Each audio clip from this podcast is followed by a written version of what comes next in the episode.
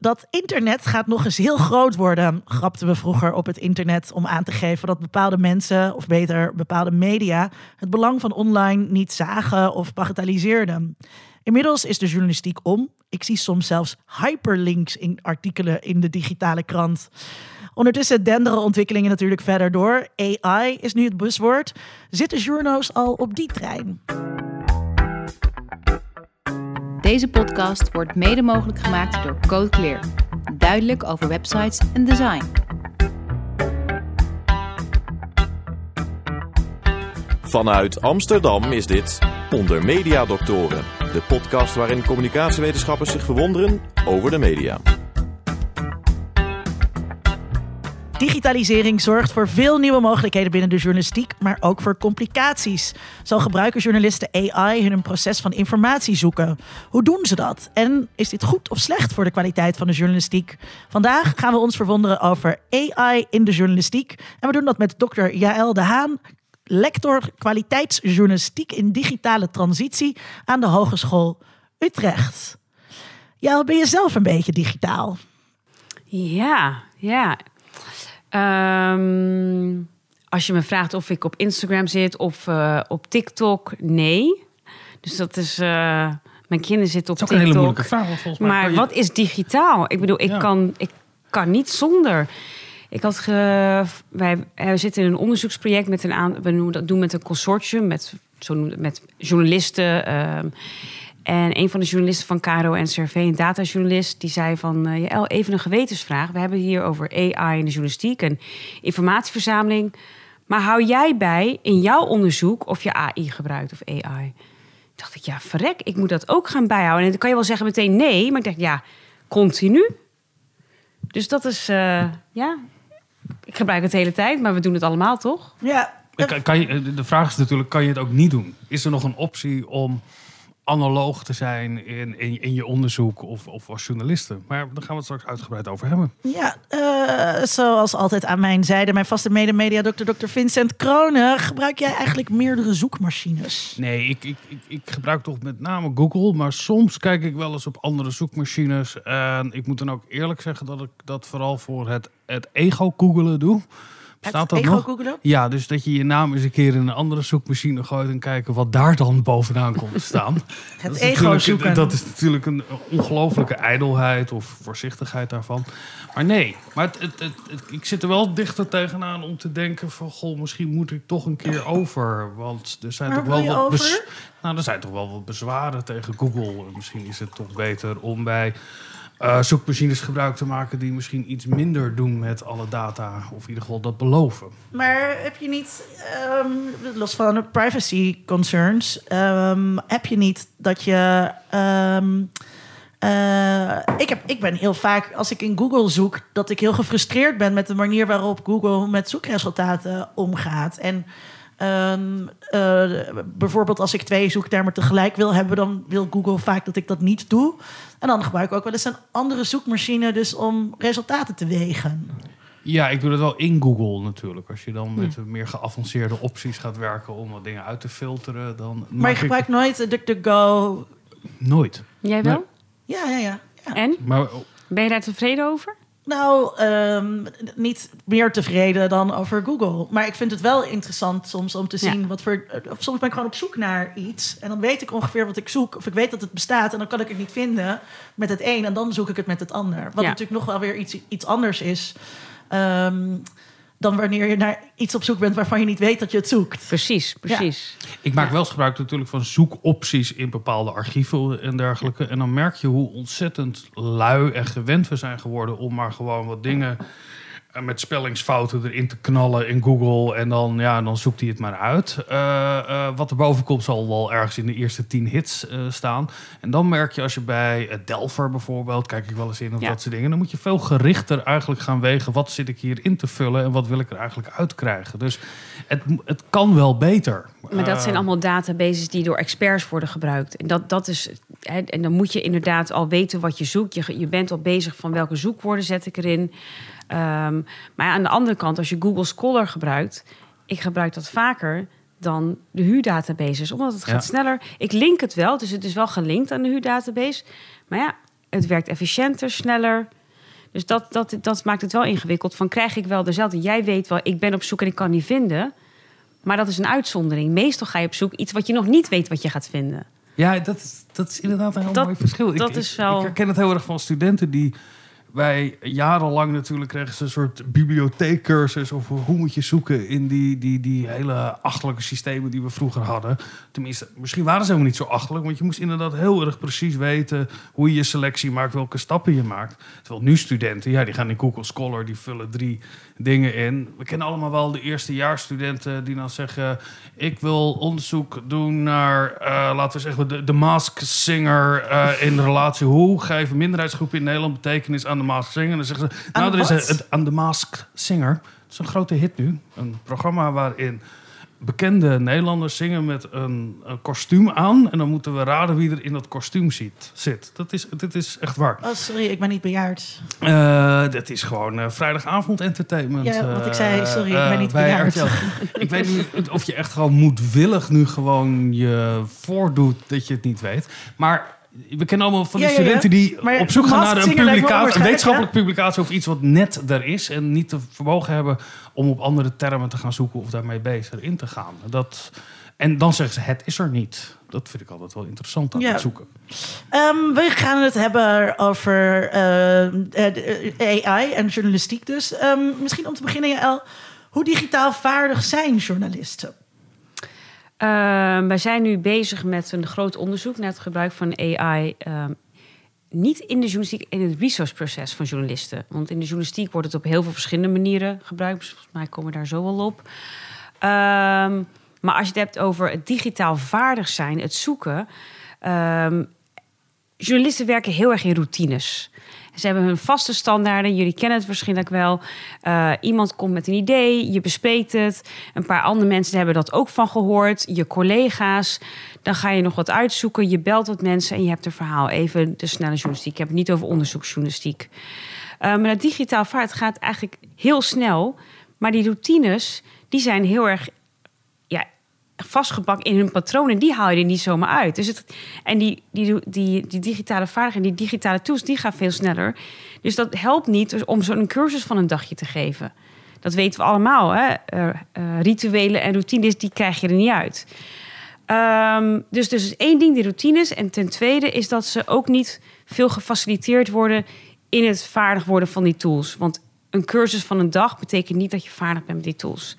Dus eigenlijk zijn ze weinig vaardig. Ze zeggen ook zelf, het gebruik van verschillende fantastische tools die er allemaal zijn, die worden eigenlijk weinig gebruikt. Ja, En is, het ook dat ze, ehm, d- die journalisten die routines die ze hadden, die oude routines ook eigenlijk beter vinden? Eh, ja, maar misschien zijn ze ook beter. Dat, dat weten we nog niet. Ehm, eh, ehm, als, het, als er een routine is waar ze continu elke bron die ze, die ze krijgen ondervragen... en dat hoeft niet allemaal online, maar die ze vervolgens weer checken, doorchecken... ja, dan is niks mis mee. Nee. Eh, dat is beter, lijkt mij, dan dat je online wat zoekt en je denkt, nou, het zal wel. Dus in die zin, die routines die zijn er niet voor niks. Ze zijn allemaal zo ingebakken om ervoor zorgen dat ze zo objectief mogelijk of iets van context over iets kunnen vertellen. En de vraag is of zeker in die online omgeving, of als je snel zoekt, of als je wat zoekt, of dat dat sneller gaat en beter gaat. Ehm, Dan moet je wel heel goed digitaal vaardig zijn. Kan je een voorbeeld ehm, geven van eh, dat researchproces? Eh, waar moeten we dan precies aan denken, zeg maar? Over digitaal vaardig Nee, of oh, over gewoon, even... Gewoon überhaupt, zeg maar. Dus je bent... eh, eh, ja, gewoon een voorbeeld. Je bent een journalist en je bent bezig met... Ik weet niet wat. Wat is dan dat informatieproces überhaupt? Dus nog los van digitale tools. Nou, laten we het hebben over een concreet voorbeeld. Eh, de vaccin komt er nu uit. Ehm, heel veel mensen die, daar hoor je van, die zijn hartstikke blij dat die vaccin komt. Maar hoeveel mensen zijn eigenlijk niet blij? Dan kan je iets op Twitter voorbij zien komen. Je kan iets op Facebook voorbij- voorbij zien komen. Maar dan is wel gevaar. Is dat dan eh, een grote groep mensen of niet een grote groep mensen?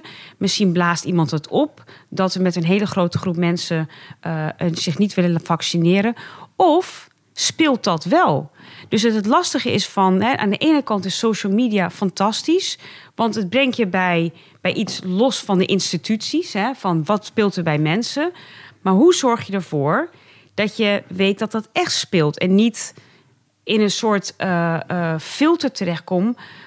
Misschien maar een hele kleine groep die heel goed kunnen, uh, zichzelf kunnen uiten op Facebook of, of elke andere social media maar helemaal niet zo groot is. Nou, daar moet die journalist dan achter zien te komen. Dat kost tijd. Dan gaat hij een routine nabellen. En het is eigenlijk een heen en weer tussen wat ze noemen formele bronnen en informele bronnen. Dus de instituties. En dan kijken hoe het, hoe het leeft bij het publiek. En dat publiek, dat, dat is lastig. We kennen het allemaal, hè? de voxpopjes op de markt. Maar eigenlijk is dat social media ook een soort voxpopjes. En ga daar maar achterhalen wat is representatief voor een, voor een grotere groep mensen. Dus je ziet dat, dat journalisten, en dat blijkt ook meerdere onderzoeken, dat ze ondanks al die mogelijkheden in online, dat ze nog heel erg houden aan die formele of die institutionele bronnen. Omdat ze dat met zekerheid kunnen zeggen, ja, dat klopt. Maar ja, dan krijg je wel hele veel institutionele verhalen. En dat hm. is ook weer kritiek op de journalistiek. Je, je laat niet zien wat er speelt in de samenleving. Ja, maar ik kan me dat heel goed. Kijk, als je in, in Twitter twee zoektermen, namelijk vaccin en onzin, uh, uh, gaat zoeken, dan kom je vast een paar mensen tegen die iets langs deze lijnen gaan zeggen. Waardoor je het argument eigenlijk kan maken: ja, maar er zijn ook mensen kritisch op, want die vinden het allemaal onzin, of die vinden het eng, of het is giftig. Weet je wel, elke, mm met, dat je met je zoektermen eigenlijk je verhaal eigenlijk al bijna aan het componeren bent. Je zoekt er alleen de bronnen bij. Maar dat is niet anders dan vroeger. Nou ja, is dat. Is nou. ja, je kan, de, je kan de Albert Kuiper lopen met je. Nee, met ehm, ik heb. Ik, heb uh, uh, ik geef deze week toevallig. Moet ik echt vijf keer of zo hetzelfde verhaal afhouden. afsteken over. Uh, wetenschapscommunicatie en contact met journalisten. En um, wat bij journalisten altijd al speelde was uh, een journalist heeft vaak, want jij zegt ze moeten objectief zijn, maar vaak hebben ze, zij ze natuurlijk, weten ze al welk perspectief op een verhaal ze willen tonen. En uh, een voorbeeld waar ik altijd mee begin, uh, toen ik nog met mijn proefschrift uh, bezig was, van het einde was, toen sprak ik met een journalist van Opzij. Heb ik twee uur, met lang, twee uur lang met haar in een café gezeten over seksualisering, wat toen een thema was, halverwege de jaren nul. En uh, doodleuk belde ze me die week op en ze zei: Ja, uh, jouw verhaal paste niet in mijn verhaal, dus ik ga je niet gebruiken. Ja. En dat is, dat is toch een soort ouderwets equivalent van uh, bepaalde zoektermen gebruiken. Vaak hebben ze met al... dat verschil dat jij wel twee uur lang met diegene ging praten. En diegene heeft ook een besluit genomen. Dit is een nou ja, verloren middag dat voor was mij ook zonde, Dat was ook zonde van haar tijd. Ja, en, en nu um, kan je echt binnen drie minuten een bron vinden van iemand die iets vindt. Maar ik merk dus heel vaak dat, dat en dat zeg ik dan ook tegen mijn cursisten... het helpt uh, uh, als je graag veel als expert in de media gevraagd wil worden... helpt het als je voorspelbaar bent. Als jij uh, een dus ik bedoel, journalisten maken die fout niet nog een keer bij mij. Ik ben een soort hype-killer. Is er een hype over uh, meisjes of jongeren? Nou, dan bel je in het Duits en dan zeg ik het valt wel mee. Want het valt altijd wel mee. En, um, maar, maar dat is wel... Um, uh, dus dan, dat is volgens mij dan een formeel, een soort formele institutie. Je belt met de wetenschapper. Maar ook dan bel je ook dan duw je al je, je verhaal een bepaalde richting in. Het is natuurlijk niet. Ja, maar de journalist heeft van tevoren wel een research gedaan om die richting te kunnen bepalen. Dus het is niet zo dat hij zelf denkt van nou, het moet zo. Dat is op basis dus van, van een research. En inderdaad, dan heeft hij zijn verhaal. Dus dat is een verschil. Uh, ik werk ook voor de school voor journalistiek en proberen we ook uit te leggen. Wat is nou het verschil tussen journalistiek research en research als, als onderzoeker of als wetenschapper? En uh, het verschil is dat je doet wat visie. Op een gegeven moment heb je een verhaal. En dan ga je nog de bronnen vinden die nog passen bij je verhaal. Maar als wetenschapper ga je, ja, je gaat gewoon überhaupt geen verhaal maken totdat je al die bronnen gesproken hebt. Dus, maar het is niet zo dat als die. Dat zeggen we ja. Ja, inderdaad. Het, het, inderdaad. Dat, je hebt helemaal, je hebt helemaal dat gelijk. Dat is natuurlijk niet de werkelijkheid altijd. Uh, wij drieën niet hier aan tafel, maar andere mensen. Uh, ja. Ja, ja. Speak for you. Ja, ja, nee, maar Speak for yourself, Vincent. Ik luister gewoon naar wat de data zeggen. Bij de HU niet, bij de UU misschien wel. Nee, maar dat, dat de bronnen gezocht worden in de wetenschap bij het argument. Uh, niet, niet zozeer mensen op straat, maar dat je op zoek gaat naar dat artikel dat het, waarvan je zegt niet ik vind, maar ik ben het eens met uh, de Haan uh, 22. ja, dat gebeurt natuurlijk ook. Ja. Ja, maar dat ja. is wel slechte wetenschap. Ja, het, ja, gebe dus het gebeurt. Ja. ja. Maar in de journalistiek, het is natuurlijk wel dat je een verhaal hebt. Je, je, je zoekt naar de verschillende eh, nou ja, standpunt, menen doet er verder niet toe. Maar dan moet je natuurlijk het wel toegankelijk maken voor een publiek. En je kunt dat niet dro- droog opschrijven, argument 1, argument 2. Dus die moet je ook mensen hebben die dat vertellen, die citaten hebben. Dus dan lijkt het soms over alsof ze helemaal geen research hebben gedaan. Maar dat is natuurlijk niet zo. Het feit dat ze al die bronnen eh, hebben gekozen, er zit een heel research achter. En Alleen het moet wel. Ik praat nu even niet over onderzoeksjournalistiek, maar even de online redactie. Dat moet wel allemaal heel erg snel. ja, Dus dat is natuurlijk wel iets. En als je dan moet kiezen. eh, en dat je heel snel. Ja, een formele bron weet je. Die is goed, dat hoef je ook niet eens te checken, want dat weet je. En het is wel zo. Eh, je ziet wel met social media zijn ze wel vaardig geworden. Het is niet alleen maar. eh, dat ze zoeken, maar ze hebben wel hun tweet waar ze natuurlijk al heel veel mensen volgen. Eh, niet elke journalist heeft een dossier, maar een aantal dossiers. En dan weten ze wel van, hé, hey, als dit speelt en als ik dat zie komen, dan kan ik dat mogelijk snel beoordelen en dan ga ik rond verder zoeken. Maar ja, het blijft tricky, het blijft gissen en, en, en dat zoekwerk, dat kost tijd. Dus het, vaak, het gaat vaak ook fout in de combinatie met tijd. Ik kan me ook voorstellen, eh, in het verlengde hiervan, dat je als journalist nu, in tegenstelling tot misschien wel 15 of 20 jaar geleden, dat verhaal dat online speelt, dat, dat heeft iedereen misschien al wel kennis van genomen. Als jij nu een verhaal gaat schrijven.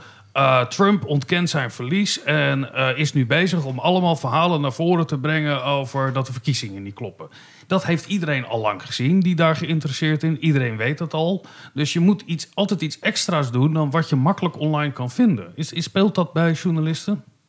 Eh, tuurlijk. Mm, maar dit is, ik Maar ben er het zijn veel je eens. Want, dingen, er zijn verschillende dingen die daarin spelen. Ja. want ehm, eh, ik eh, eh, lees een krant.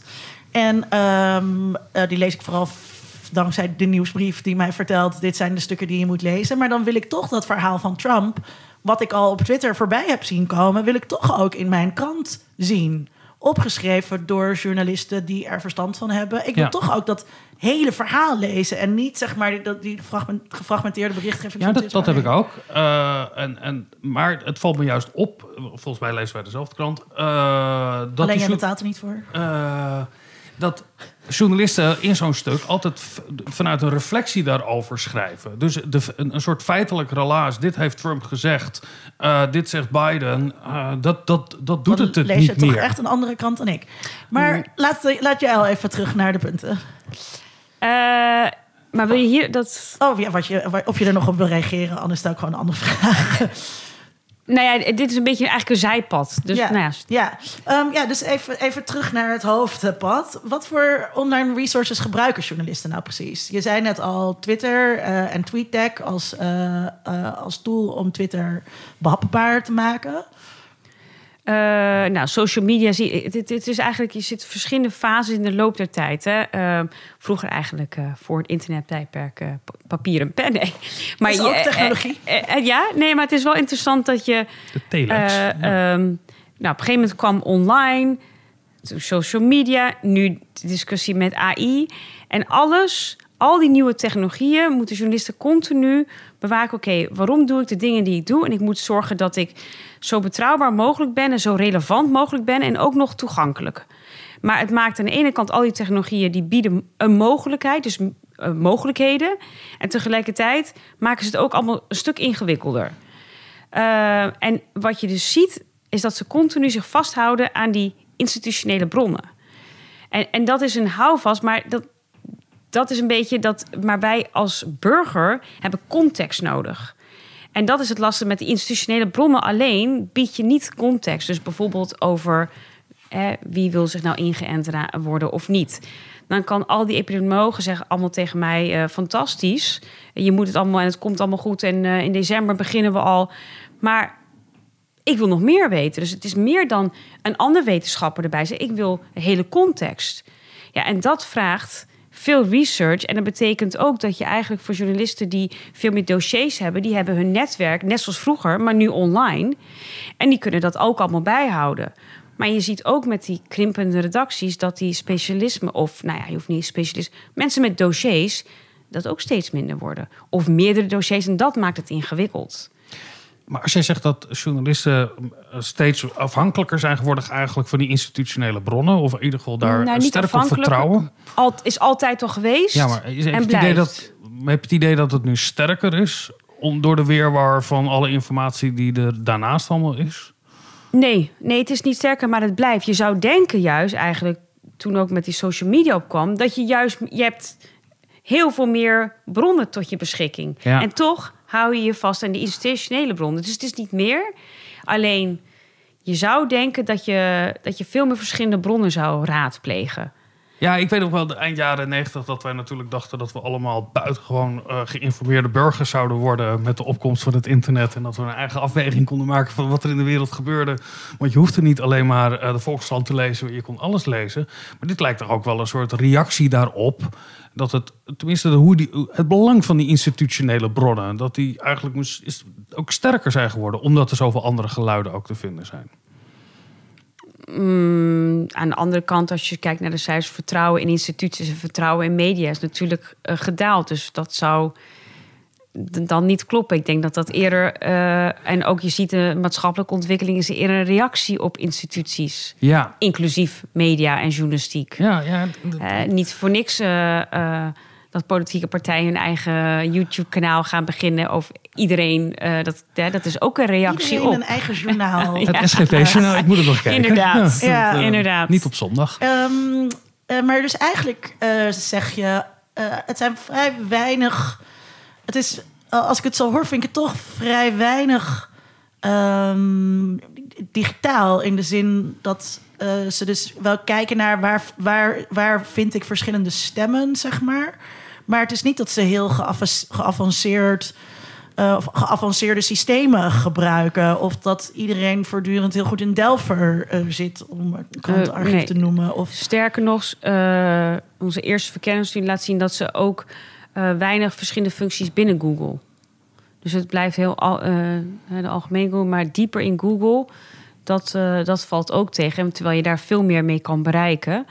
Maar er zijn natuurlijk wel verschillen. De onderzoeksjournalisten en ook de datajournalisten, daar zie je echt wel nu een beweging die zich steeds meer eigen gaat maken. Je ziet ook in de opleidingen dat er veel meer aandacht voor is.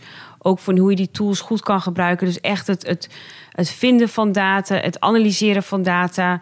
En ook interessant, ook het gebruik van, van het publiek, de crowd. Daar heb je ook. eh, eh, dus dat, maar dat zijn weer niche. Of een andere groep journalisten, niet die snelle journalistiek. Dus je kan in die zin journalistiek niet op één hoop gooien. Zeker niet. Want wat, eh, wat, wat, krijgen, wat bieden jullie in de opleiding aan aan journalisten? Aan journalisten in SP, moet ik zeggen. Eh, nou, tot voor kort had je inderdaad gewoon een research track. Waar je inderdaad gewoon leert eh, eh, verschillende bronnen en wat is betrouwbaar, relevant of niet. En, en, en nou ja, verschil tussen formeel en informeel. Maar je ziet dus nou vanaf het eerste jaar dat ze al kennis maken met data. het, en het begint al met data te importeren, maar ook data te vinden. Hoe je data bij elkaar, welke tools je daarvoor gebruikt. Dus die hele. Ook tools alleen. De opleiding is zo ingericht. Ehm, ik zeg altijd, het is een soort, een- we hebben een façade gebouwd. En die kamers die kun je iedere keer wisselen. Dus als wij onderwijs gaan geven in tools... Ja, dan kunnen we elke keer weer een kamer gewoon eh, weer opnieuw inrichten. Dus dat heeft niet zoveel zin. Maar we proberen, proberen die denkwijze te brengen. En eh, toen ik, een, wat is al bijna tien jaar geleden kwam... was het heel erg van, oh, we moeten een nieuwe tool aan gaan leren. Maar ja, dat schiet niet op. Want Nee. ja, Die tools gaan sneller dan dat Ja. studenten erover doen om de opleiding af te Ja. ronden. Ja. En ze zijn zelf gewoon heel vaardig om zelf een tool aan te leren. Ze gaan gewoon naar een tutorial en klaar. Maar het gaat erom hoe je denkt. Ja. En ook wat er mogelijk is, hè, maar ook waar je over ethische vraagstukken, over inderdaad bias en die bewustzijn, die is lastig. Want heb je het idee dat de studenten, wat je zegt, het is nu eigenlijk al vanaf jaar één, op het moment dat ze binnenkomen, dat dat aandacht krijgt. Ehm, heeft dat ook eh, consequenties gehad voor eh, met welke intentie mensen deze opleiding doen? Of de manier waarop ze dat doen, ten opzichte van een aantal jaren geleden? Ik weet dat je er nog niet heel lang rondloopt, maar is het, is het métier van journalistiek... Tien jaar loopt er nog. Ja. Eh, dat is nou, best lang. dat is best Ja, lang, dat ja. wou ik net zeggen. Ik Dat, bedoel, ik was eh, niet van plan eh, 30 jaar. Nou, nou, nou, dat is leuk nieuws. Dat is. Maar is, is, is het veranderd met de, de, eh, de, de, de beroepsopvatting van eh, studenten die bij jullie komen die journalist willen worden? Nee, het is altijd wel een groep studenten. Nou ja, ze weten, je wordt er niet rijk van. Eh, en ze weten ook wel, ik, eh, af en toe hoor je iemand die zegt van, nou, ik wil echt eh, presentator worden. Of, maar ja, de meeste niet. Dus die, die hebben wel hard voor het vak. En het wordt ook wel goed geselecteerd. Dus er zitten wel echt wel gesprekken van tevoren. maar ja, je ziet nu ook dat het weer helemaal booming is. Ondanks dat ze weten dat je, dat je freelancer gaat worden, dat er niet een vaste plek op de redactie. Maar ja, het is toch, de journalistiek speelt wel heel erg in de samenleving. Ik bedoel, we kunnen er niet omheen. Nee. Of het nou de technologie is, of dat de fake news is, of dat de Trump is. Het is niet alleen maar het is- in onze eigen bubbel. Het is, het is continu- 2020, what a great time to be Ja. a media Nou ja, scholar. het is ik- toch, ja. Echt, ja, dat zeg ik ook iedere keer. Ik had vanmorgen, vanmiddag nog college gegeven. Jongens, er zijn, het is zo eh, goed en leuk om journalist te zijn... maar er zijn ook heel veel mogelijkheden. Dus het is niet zo dat je niet op een redactie terechtkomt... omdat er geen mogelijkheden zijn. Tal van mogelijkheden. Even Ja, als ja. uitstapje, even als heel klein, want dat mag, want het is een podcast en wij meanderen graag. Eh, je hebt ook een ander onderzoeksproject project lopen naar immersieve eh, eh, journalistiek. Kan je uitleggen wat dat, wat dat is? Eh, immersief. Immersief is ook zo'n buzzword. Immersive. Alles moet Ja. immersive. Nou, het is echt letterlijk je ergens in onderdompelen. En dat is niet alleen maar in de journalistiek. eh, tegenwoordig alle musea zijn immersief. Alle festivals zijn immersief. Je onderdom, je moet eh, iets beleven. Dus je kan niet iets zomaar op je nemen. Je moet beleven. Nou, de journalistiek is daar ook mee aan het experimenteren. ehm, om te zorgen dat eigenlijk het doel ervan is van... ehm we willen dat mensen complexe eh, nou, problemen of issues beter begrijpen. Ehm, en dat kan nou ja, van alles en nog wel, van klimaat tot aan eh, nou, ingewikkelde psychologische dingen. Van, hè, we hoorden allemaal eh, al, eh, heel veel berichten over verwarde mensen, maar wat is dat nou eigenlijk verward zijn? Dat kan je wel opschrijven in een artikel, maar je weet wel echt wat het is als je het zelf ervaart, hoe het bijvoorbeeld is als je even in p- psychose terechtkomt. Nou, dit idee dus hebben journalisten verschillende manieren geprobeerd om je als gebruiker onder te dompelen. Nou, geprobeerd, die technologie is er. Dus je ziet dat de journalistiek ook een patroon volgt. Er is een nieuwe technologie. Dus dan gaan we met ons on- allemaal springen we erin en hopen dat dat ons uit de misère helpt, een beetje zo te zeggen. Dus eh, eh, een half jaar geleden, weet ik nog, toen was bij Beeld te Geluid ehm, een, eh, een bijeenkomst over TikTok en journalistiek. Nou, het zat ramvol. Dus je ziet het gewoon, het gaat van de ene technologie naar de ander. Dus voor ons was dit, Ja. oké, VR, eh, bril VR, dat is, kan dus mogelijk bieden voor onderdompelen. Maar wat is er nou eigenlijk aan de journalistiek? En onze grootste vraag, werkt het bij het publiek? Leidt het uiteindelijk dat mensen beter begrip hebben over een verhaal? En wat interessant was, is dat de technologie zelf, dus of het VR of dat je het gewoon op je telefoon kijkt, dat maakt niet zoveel uit. Maar wel of je als gebruiker ook kan interacteren in het verhaal. En interessanter nog, dat je echt Jij bent de hoofdpersoon zelf. En niet dat jij zomaar in een woonkamer staat in een virtuele omgeving en dat je toeschouwer bent. Dus het is veel meer dan het gebruik van een gimmick of een technologie. Maar uiteindelijk draait het dus nou ja, heel erg bazaal terug naar journalistiek om een goed verhaal te vertellen. En dan word je ondergedompeld. En dan heeft het uiteindelijk effect dat mensen het beter een verhaal blijft hangen en beter begrijpen. Dus ook empathisch zijn. Ja, ik, ik ken het. eh, Thomas Boeschoten hebben we uit de gast gehad. eh, die werkt bij het AD. Ja. Eh, Luister vooral naar aflevering 86 over de gevolgen van kwantitatief lezersonderzoek op journalistieke inhoud. Met Thomas. Die had een keer een, een heel mooi waarin je eh, gewoon een aantal vragen werd gesteld over hoeveel, eh, hoeveel eh, mensen met een migratieachtergrond wonen er in Nederland. Of hoeveel eh, migranten zijn er. Of hoeveel eh, mensen hebben asiel gekregen in een jaar. Waarin je dat zelf moest aangeven en daarna zag je de echte resultaten. Dat vond ik een hele mooie manier om jezelf te confronteren met, nou ja, wat weet ik eigenlijk? Eh, maar ook omdat het daarna uitgelegd was, nou ja, zo zit het wel in elkaar. Vond ik dat een hele mooie journalistieke vorm eigenlijk. Omdat Ja. het, game-element. Ja, New York Times doet dat ook wel. Ik herinner me, ehm, het ging over ehm, dat je dan met je jaartal, je geboortejaar moet invullen. eh, hoe, hoe, hoe waarschijnlijk het was dat je ging roken of tienerzwangerschappen. En zodat je dat door de jaren heen, vooral veel die time-lapse dingen met data, Ja. kan je natuurlijk ook heel goed doen met allemaal van dit soort tools. Ehm, bij, bij die immersieve journalistiek denk ik wel altijd maar dat denk ik echt bijvoorbeeld bij VR. Denk, de, heb ik dat, ja. Je moet een VR-bril hebben. Je moet, eh, net als podcast luisteren, moet in je routine zitten. Eh, heel veel mensen hebben dat niet, dus die luisteren nooit podcast. VR moet ook in je routine zitten. Het is niet zo dat je op zaterdagochtend de krant aan het lezen bent. En dan, oh, ik zet nu even mijn VR-bril op. eh, om dit deel van het verhaal mee te Ja. krijgen. Ja. Ja, en dat is interessant, dus dat je die VR niet nodig hebt. Dus je bijvoorbeeld, een heel mooi voorbeeld is van NOS 75 jaar bevrijding. Dus gaat terug in tijd. Dat is eigenlijk een immersief verhaal. Want je gaat terug in tijd. Jij kijkt het journaal 75 jaar terug. Dus daar heb je helemaal geen nieuwe technologie voor nodig. Nee, Ehm, je moet oude technologie gebruiken. maar ik heb het NOS gezien, ja. ja. Ehm, ik, ik, ik vond het echt...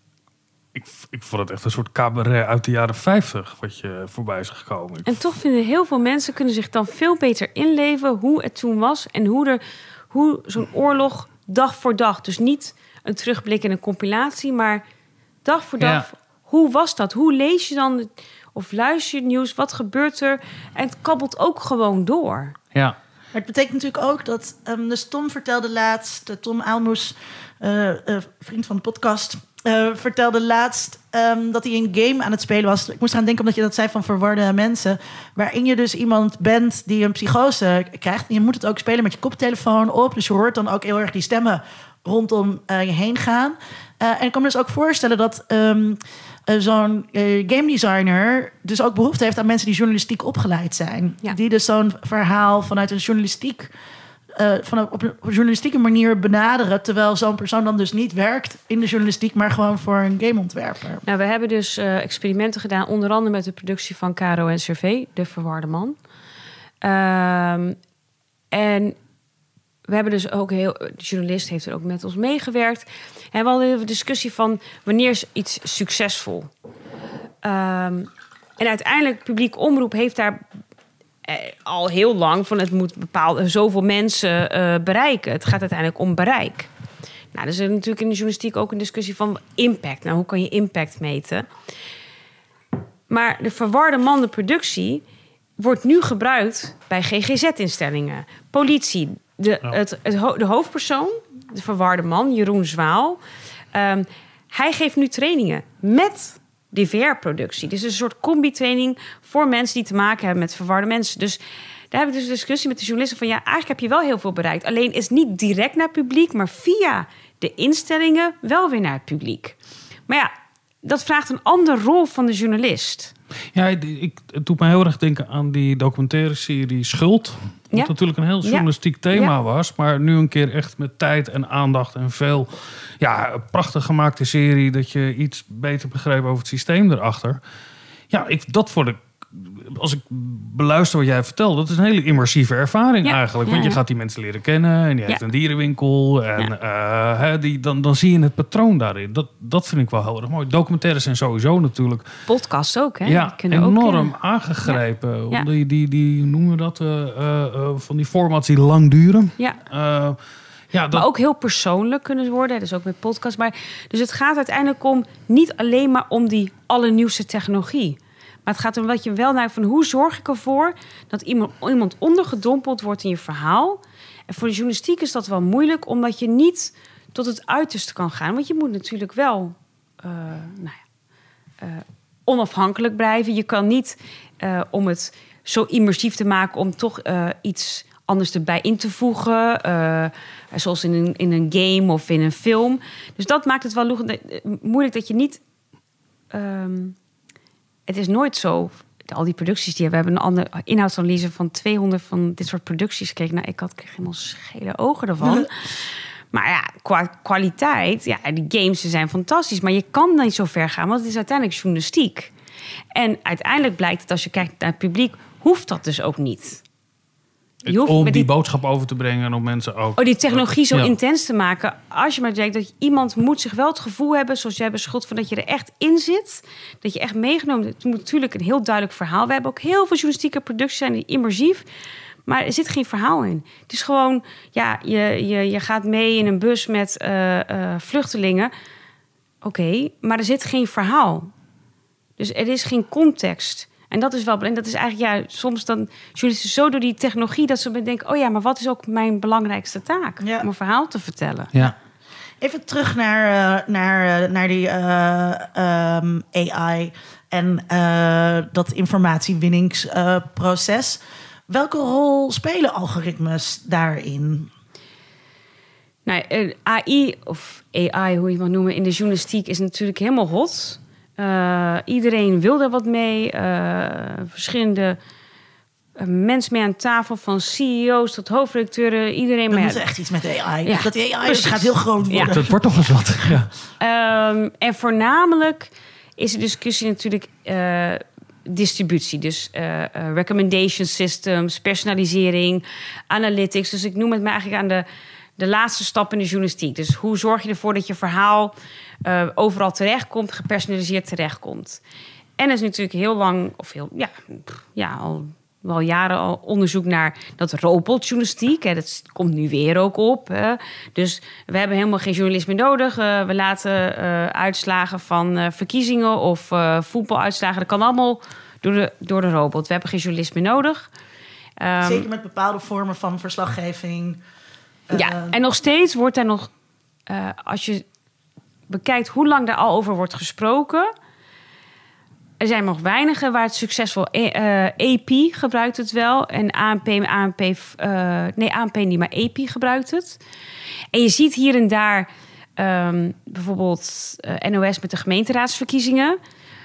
Was niet echt AI, want er zit- zat een, een meer automatisering, maar oké.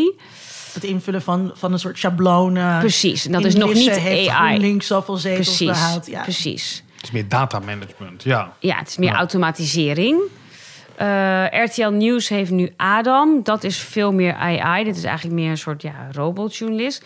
Ehm, maar alsnog, als je kijkt naar onderzoek naar robotjournalistiek... inderdaad, het kan iets toevoegen. eh, omdat journalisten eh, dan meer tijd krijgen om andere dingen te doen. En tegelijkertijd zie je wel dat als je het effect bij het publiek bekijkt... ja, het is, het, het is toch wel vaak saai. Eh, het is wel betrouwbaar, maar het is niet die hele creativiteit. Ja, Dat taalgrapje komt er Ja, en ik geloof ook niet dat, Dat- vanuit dat- automa- de geschiedenis leert ons wel dat door automatisering mensen meer tijd krijgen voor mooie dingen. Dat dat niet gebeurt. Precies, dat, dat, is horen we natuurlijk al heel lang. Hè? Dat mensen er niet meer werken op een gegeven moment. Ja. Maar dus dat is in de... Maar ja? dus wat wij nu doen is kijken naar het eerste, dat is eigenlijk het eerste begin researchproces. Eh daar is eigenlijk nog heel weinig onderzoek naar gedaan. Maar als je denkt vanuit jezelf als niet-journalist, maar als, nou, noem maar even burger, dan zoeken wij ook continu naar informatie en we gebruiken wij ook algoritmes. Ehm, maar doen journalisten dat slimmer en zijn ze daar bewust van en omzeilen ze die? Journalisten zijn ook gewoon burgers en gebruiken dus ook AI.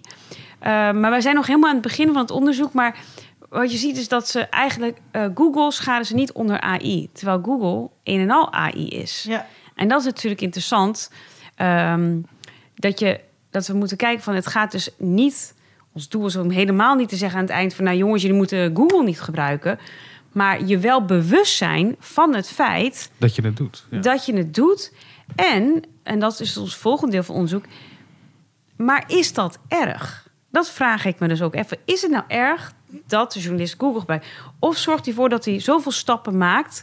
dat hij uiteindelijk wel ervoor zorgt... dat de juiste informatie of, of het...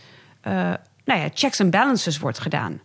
Net zoals dat die zonder Google wordt gebruikt. Of is het zo dat je eigenlijk al meteen in de fuik terechtkomt? Een van onze een journalist bij NOS die zegt er van ja, maar ja, tuurlijk kom je meteen in de fuik. Ik bedoel, al, al eh, ik moet een stukje schrijven over de, dat was het begin van corona. Ja, eh, hoe, goed, hoe moet je je handen wassen? Ja, ik wil een plaatje bij handen wassen. Ik klik handen wassen. Ja, ik krijg alleen maar blanke handen. Ja. ja. Dat irriteert haar. En denk je, ja, maar dat, dat alleen al. Ik let erop. Maar anderen, klik, hop, snel wegwezen. Dus daar kom je al in een fuik. En het, en het gaat erom dat journalisten zouden nog meer dan burgers op hoogte moeten zijn van wat er, wat er achter speelt. Waar de fuiken liggen. waar de fuiken liggen, zonder dat je... Je kunt nooit weten hoe het precies werkt. Maar is dat, zijn wij daartoe in staat? Want eh, de black box van Google, al die algoritmes, hoe die werken, daar hebben we eigenlijk heel beperkt inzicht in. Dus jouw collega of die journalist, eh, die zei van ja, je komt, je, misschien kan je niet weten dat je in een fuik zit. Want je, je kan het niet beoordelen op dat wat je niet ziet. Je kan natuurlijk wel... Of je moet Ehm, andere bronnen gaan raadplegen buiten nou, Google om. Of, Ehm, ik weet nog, eh, eh, toen, wij, eh, toen wij allemaal, lang, lang geleden, toen wij allemaal aan het promoveren waren en er ook wat internetonderzoek gedaan werd, ehm, dat, dat dan zij in papers heel duidelijk opschreven: we hebben deze zoekmachine gebruikt, we hebben deze zoektermen toegepast en dit was het Ja. moment. En nog steeds moeten, moeten mensen altijd op, opschrijven in een bronnenlijst ge- geraadpleegd op. Ehm, en, ehm, maar dat, dat is natuurlijk al lang niet meer, omdat Google zo verschillend is. ik ik eh, weet nog dat wij een collega iedereen. hebben. Ja, Het- Ik krijg het die een onderzoek deed naar weblogs. En die zei: Nou ja, ik ga weblogs onderzoeken. Dan heb ik als zoekterm weblog. En dan neem ik steeds elk tiende resultaat. Want dan heb ik eigenlijk een mooie steekproef van wel duizend weblogs. Dan ga ik er honderd bekijken. En dat is elk tiende resultaat. Wij vonden dat toen eigenlijk best wel een redelijke manier om dat te doen. Nu zou je zeggen: Ja, dat slaat nergens op natuurlijk. waarom staat het nu nergens op? Omdat die vind nog steeds een goede manier om te doen. omdat die resultaten natuurlijk heel erg mede gevormd zijn over eh, op welk IP-adres je zit Nou bijvoorbeeld. ja, maar dat is dus. Dus da- daar, daar ging mijn vraag natuurlijk die kant op.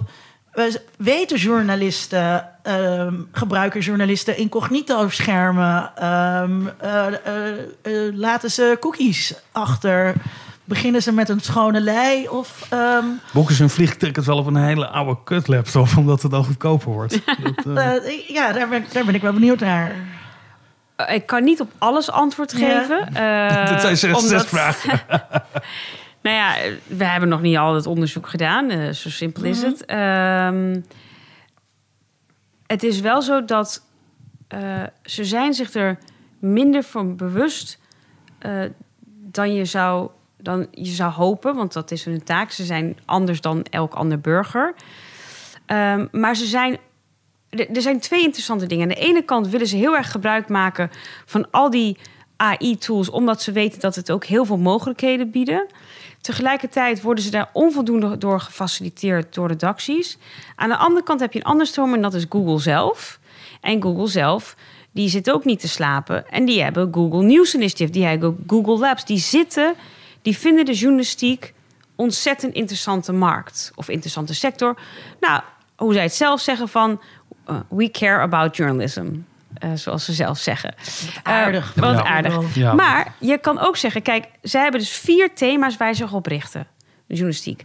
Data, uh, verification, storytelling en immersive. Nou, en al die vier dingen hebben ze allemaal tools voor ontwikkeld. Die tools zijn super makkelijk, super toegankelijk, super goed om te werken. Aan de andere kant kan je ook zeggen: ja, de journalistiek heeft al die tijd niet per se in Nederland met het algemeen zitten slapen. Hier is er iemand die gaat jullie helpen.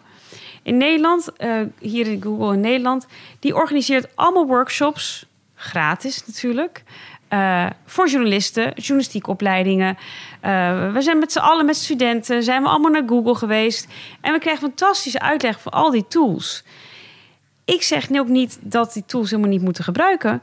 Maar daarbij hoort niet alleen een workshop hoe gebruik je die tools, maar wat is dit? Wat betekent dat? Dus de kritische blik. En dat bedoel ik dus ook wat ik zei over de opleiding. Je hoeft niet allemaal tools aan te leren, maar je moet ze leren kritisch na te denken. En dan maakt geen enkel tool meer uit. Welke andere tool er nog gaat komen, dat doet met het kritische blik. Die moet nog kritischer zijn dan jaren geleden. Omdat er zoveel ik kreeg ook ooit de uitnodiging van Google dat we dan twintig uh, studenten echt drie dagen geheel verzorgd met ja. uh, diner en wat dan ook zouden ze uh, leuk bijgepraat worden. En de wederdienst was is dat ze dan wilden kijken dat ze goede studenten ook een stageplek konden bieden. Dus het was oh, voor ons een win-win. Ja. Alle studenten hadden oh, en een leuke ja. plek daarbij. Win -win.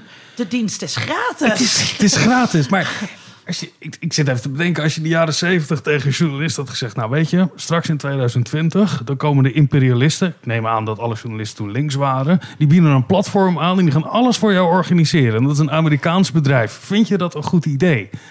Het is toch een hele rare werkelijkheid waar je dan in zit. Dat we zo afhankelijk zijn. Want dat, ik denk Ja, ook ja. al die mooie tools die ze maken, Ja, ja. die zijn fantastisch. En, Maar en het ook gaat over gratis, eh, afhankelijk maken. Je bent afhankelijk geworden. En dat Eh, is natuurlijk En iets- je weet niet eens op, tot op welk niveau je afhankelijk bent. En dat, ja, dat probeer vind ik- maar eens zonder Google te leven. Ja. Dus ehm, eh, Hans de Zwart, voormalig directeur van Bits of Freedom, eh, probeerde dat. Ja. En dat, en dat kan eh, gewoon niet. En je merkt het nu bijvoorbeeld ook hoe moeilijk het is om aan bepaalde tools waarvan we weten dat ze slecht zijn voor je privacy, zoals Zoom, om eraan te ontkomen. Want ja, die workshop die wordt gewoon in Zoom gegeven. Ja. En dan zit je daaraan vast. Want die afhankelijkheidsrelatie, hè, ehm, ehm, eh, dat lijkt me een probleem.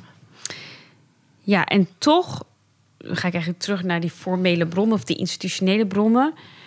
Je ziet dat daarom die journalisten zich vasthouden aan die routines.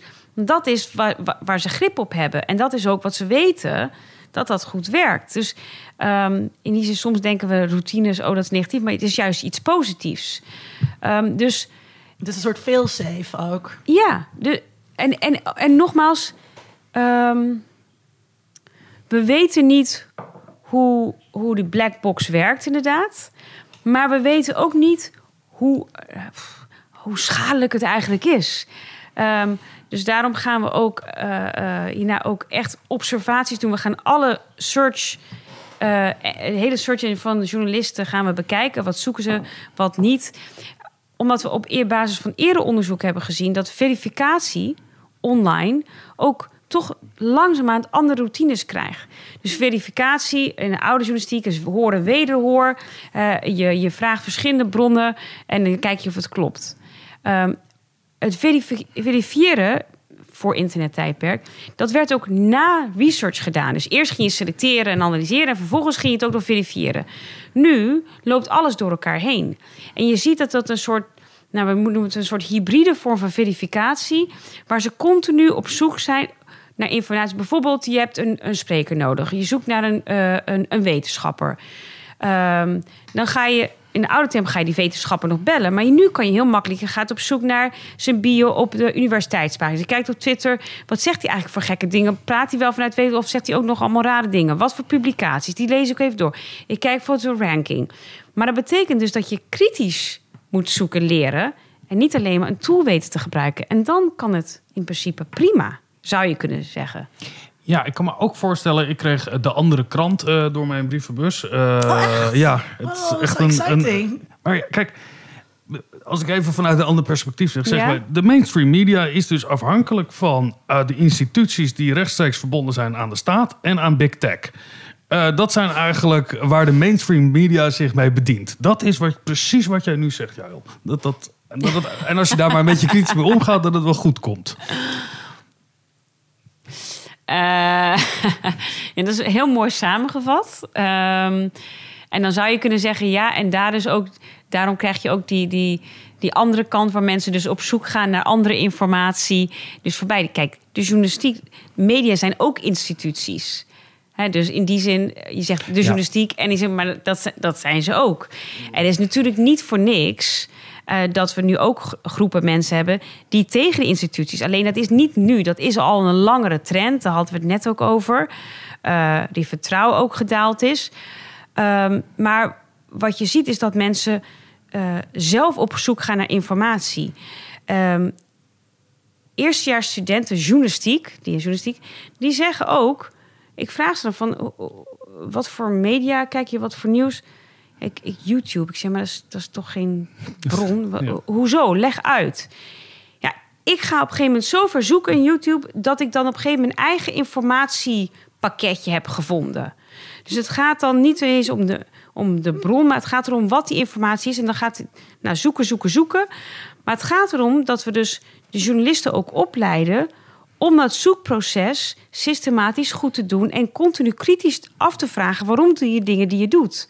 En het moeilijke is bij journalisten dat op het moment dat ze op een redactie ergens dan gaat die, dat is dus negatief voor routine, dat ze dus niet meer afvragen waarom dingen, dingen, dingen die je doet.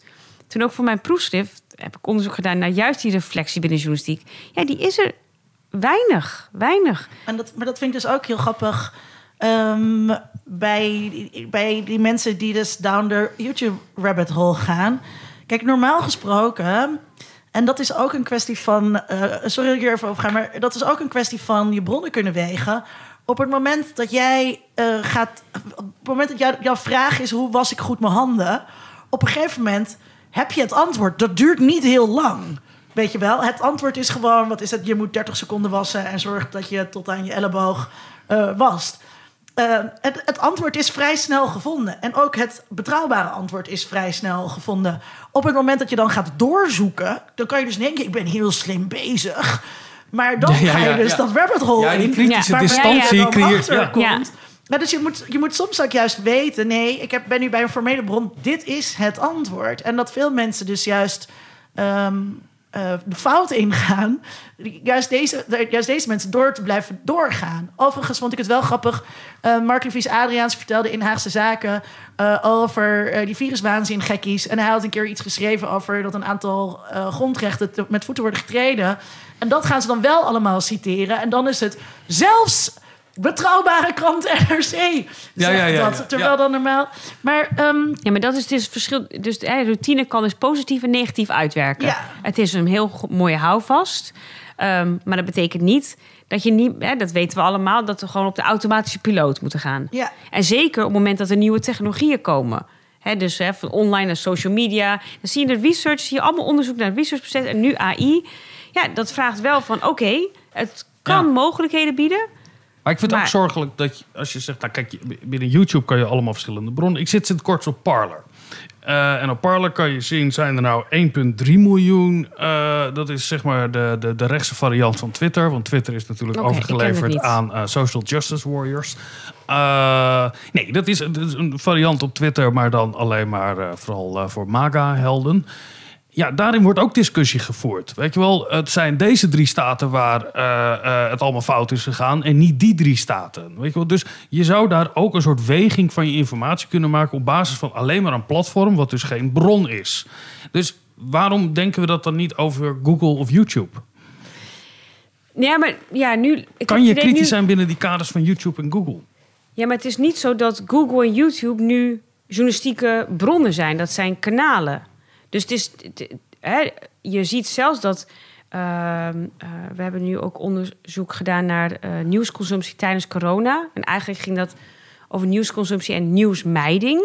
Maar wat interessant was, is dat die eerste vier maanden niet alleen gingen mensen meer consumeren, dat vond ik wel vanzelfsprekend, maar dat mensen heel veel verschillende bronnen, maar wel de, de gevestigde media, maar dus wel op zoek zijn van, nou, ik ben niet alleen maar tevreden met de NOS, maar ik zoek ook naar een krant en ik ga nog naar een regionaal dagblad, dus ik maak mijn mix, maar wel allemaal bronnen waarvan mensen weten, oké, dat is wel, dat kan ik als betrouwbaar achten.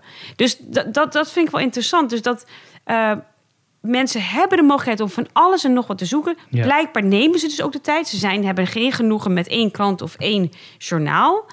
Uh, maar tegelijkertijd, juist in tijden van heel veel onzekerheid, gaan ze dus wel terug naar die gevestigde. Ze gaan niet zomaar Nee, het is een wat googlen of zomaar wat YouTuben. ja. Dat is wel wat anders dan down die rabbit hole gaan. Hè? Dus eh, steeds één kant. Je zou van- kunnen zeggen, het is nu een hele goede tijd voor gevestigde media. Pak die kans om je weer eh, ja, Ja. eh, betrouwbaar, om je keurmerk, of bewijs, nou niet keurmerk, maar om je merk te profileren. Ehm, maar dat betekent wel dat je in die online wereld daar wel moet weten om te gaan. Dus aan de ene kant biedt het zinnen continu mogelijkheden, continu wordt het ook weer moeilijker gemaakt Ja. voor ze. Ehm, je zegt er is weinig reflectie van eh, journalisten op hun zoekproces. Ehm, wat ik me goed kan voorstellen, dat betekent ook dat het lastig is voor journalisten om daar transparant over te zijn. Als je niet goed door hebt, niet goed aan het opletten bent wat je bent en wat je aan het doen bent. Ik vraag mijn cursisten wel eens om een log te maken van de wijzigingen die ze hebben aangebracht. En dan mag dus niet een track changes, maar gewoon een apart file met wat heb je nou veranderd in het document. En het verbaast me elke keer dat ze dat allemaal niet kunnen. Dat, Ja. dat is gewoon Ja. blijkbaar onmogelijk om zoiets aan te leggen. Wat ik ook heel logisch vind. Want je, ja, je, je doet gewoon snel aanpassingen en daar, en daar ben je niet heel... eh, ook al ben je dan heel aandachtig bezig, je bent daar dan niet reflexief op. En dat dus- maakt het onderzoek heel moeilijk. ja, Ehm, en daarom eh, eh, zijn we in eerste instantie ook op zoek van... eh, als jij gaat vragen aan journalisten... welke AI-tools of gebruik je... Ja, dat, dan krijg je niet het antwoord wat je wil hebben... want ze weten het niet eens. En bijvoorbeeld eh, zoekmachines zullen ze niet beschrijven. Dus dan heb je een probleem. Dus we hebben eerder onderzoek hebben gedaan... dat we echt eh, mensen gaan tracken. Dat hebben we met eh afstudeerstudenten van journalistiek gedaan. Dus dan gaan we nou, heel simpel QuickTime Player opzetten. En eh, Gewoon gewoon screen grab en kijken wat ze doen. ja, Leuk. kijken wat Ja. ze doen. En dan zie je dus, inderdaad wat ik bedoelde met die hybride verificatie. Ze beginnen met Google en maken continu uitstapjes naar allemaal verschillende bronnen. En dan gaan weer, vinden een hyperlink, gaan weer door bij het primaire document. Gaan die document weer opzoeken via Google. Dus het is continu van die loops. Maar het is wel eh, eh, zoeken, verifiëren, zoeken, verifiëren. Ehm, maar daarnaast eh, ehm, doen we ook reconstructie-interviews. Dus dan ga je echt heel lang, nou ja, je kent het wel, maar het is heel hartstikke leuk ook. Je gaat met journalisten van dat ze echt moeten gaan tekenen of uitpluizen. Oké, jij hebt, hoe kom jij aan dit artikel? Hoe, wat was je eerste stap? Nou, dan zegt ze, nou ja, gewoon van iemand gehoord. Nou, nee. Leg uit, gaan we met post-its weet je, zitten van welke eh, heb je Twitter gebruikt? Welke, zo- zoveel mogelijk uit te pluizen. En dat gesprek alleen al is een reflectiemoment voor de journalist zelf. Ja. Ik, En niet alleen maar confronterend, gewoon ook gezien van, oh god, dat heb ik allemaal veel gedaan. Kan ook, hè? Ja, ik doe dat ook in die, Ja. cursus, in die cursussen. ehm, eh, neem ik ze mee, zeg maar, in mijn werkwijze. En dan pak ik een recente column eruit. En dan ga ik laten zien, inderdaad, wat, ik, wat voor bronnen er allemaal in zitten. En hoe ik daaraan ben, soort van hoe ik daaraan ben gekomen. Eh, om ze ook duidelijk te maken hoe belangrijk het is om bijvoorbeeld op Twitter te zitten. Ook gewoon voor ehm, inspiratie en dat soort dingen. Ehm, en dan, maar dan zien zij het altijd als heel veel werk. Terwijl, ja, dat zijn allemaal dingen die, dat, dat gaat heel snel. Eh, ja, je, je leest iets en dat, en dat, dat zet je ergens in je hoofd, parkeer je dat. En dan lees je iets anders en dan denk je, oh, die twee dingen samen kunnen een column zijn. En dan zoek ik nog wat onderzoek erbij en dan bla bla bla. Weet je, dat, Ja. dat doe ik dan even. Maar het klinkt dan voor hun ook als heel veel werk. Maar ik Ja. vind dat inderdaad, het is heel grappig om, om dat bij jezelf ehm, Ja. te, te bespeuren. Eh, maar je zegt dus. eh, eh, ze, ze hebben vaak ook niet door dat er AI is. Maar ze hebben dus vaak dan ook niet door dat er een bias zit. Want zullen we het even hebben over die bias? Wat, wat is bias eigenlijk? Dat is grappig. Ik heb ja, dus vanmiddag ook hoorcollege gegeven in eerstejaars. En dan hadden we het ook over bias en vooroordeel. Ja, het is, bias Eh. is zo'n onvertaalbaar woord wat mij betreft. Het is heel lelijk. Bias, bias. Maar het is ook, vooroordeel is niet helemaal hetzelfde, toch? gekleurd. Leaning, dat is ook weer... eh, Ja, ja. Maar, maar, maar Het staat in de tegenoverstelling van objectiviteit in ieder geval. Eh, nou, even terug op die objectiviteit. Er is, we kunnen, eh, journalisten streven niet naar objectiviteit. Maar ze hebben allemaal manieren in hun systemen om zo dicht mogelijk bij de waarheid te komen. Dat is het. Maar het is niet zo dat ze zeggen van dit is objectief. Er is wel een hele periode, een hele stroming geweest. Eh, nu zie je eerder dat ze proberen dus allemaal manieren te vinden. En, en dan zie je ook nog de, de hang naar transparantie. Eh, want ze zeggen van ja, we kunnen niet objectief zijn. Dus we moeten we laten zien aan het publiek hoe we tot die informatie komen. Ehm, maar dan krijg je dus, hoe doe je dat met AI? Als je niet eens weet dat je zelf überhaupt. Dus je kan wel zeggen, ja, eh, als je niet eens weet dat je het gebruikt. Alleen de vraag is of dit nou zo nieuw is. Ehm, want nou ja, als je teruggaat naar de verzuiling, was het natuurlijk ook allemaal bias. Ja. Maar hadden misschien journalisten dat ook helemaal niet door, omdat je in je eigen leefwereld zit. We hebben een mooie aflevering gemaakt. Ik heb het nummer even niet paraat. Maar eh, over subjectiviteit eh, in de journalistiek met Rens. Rens Vliegend Hart.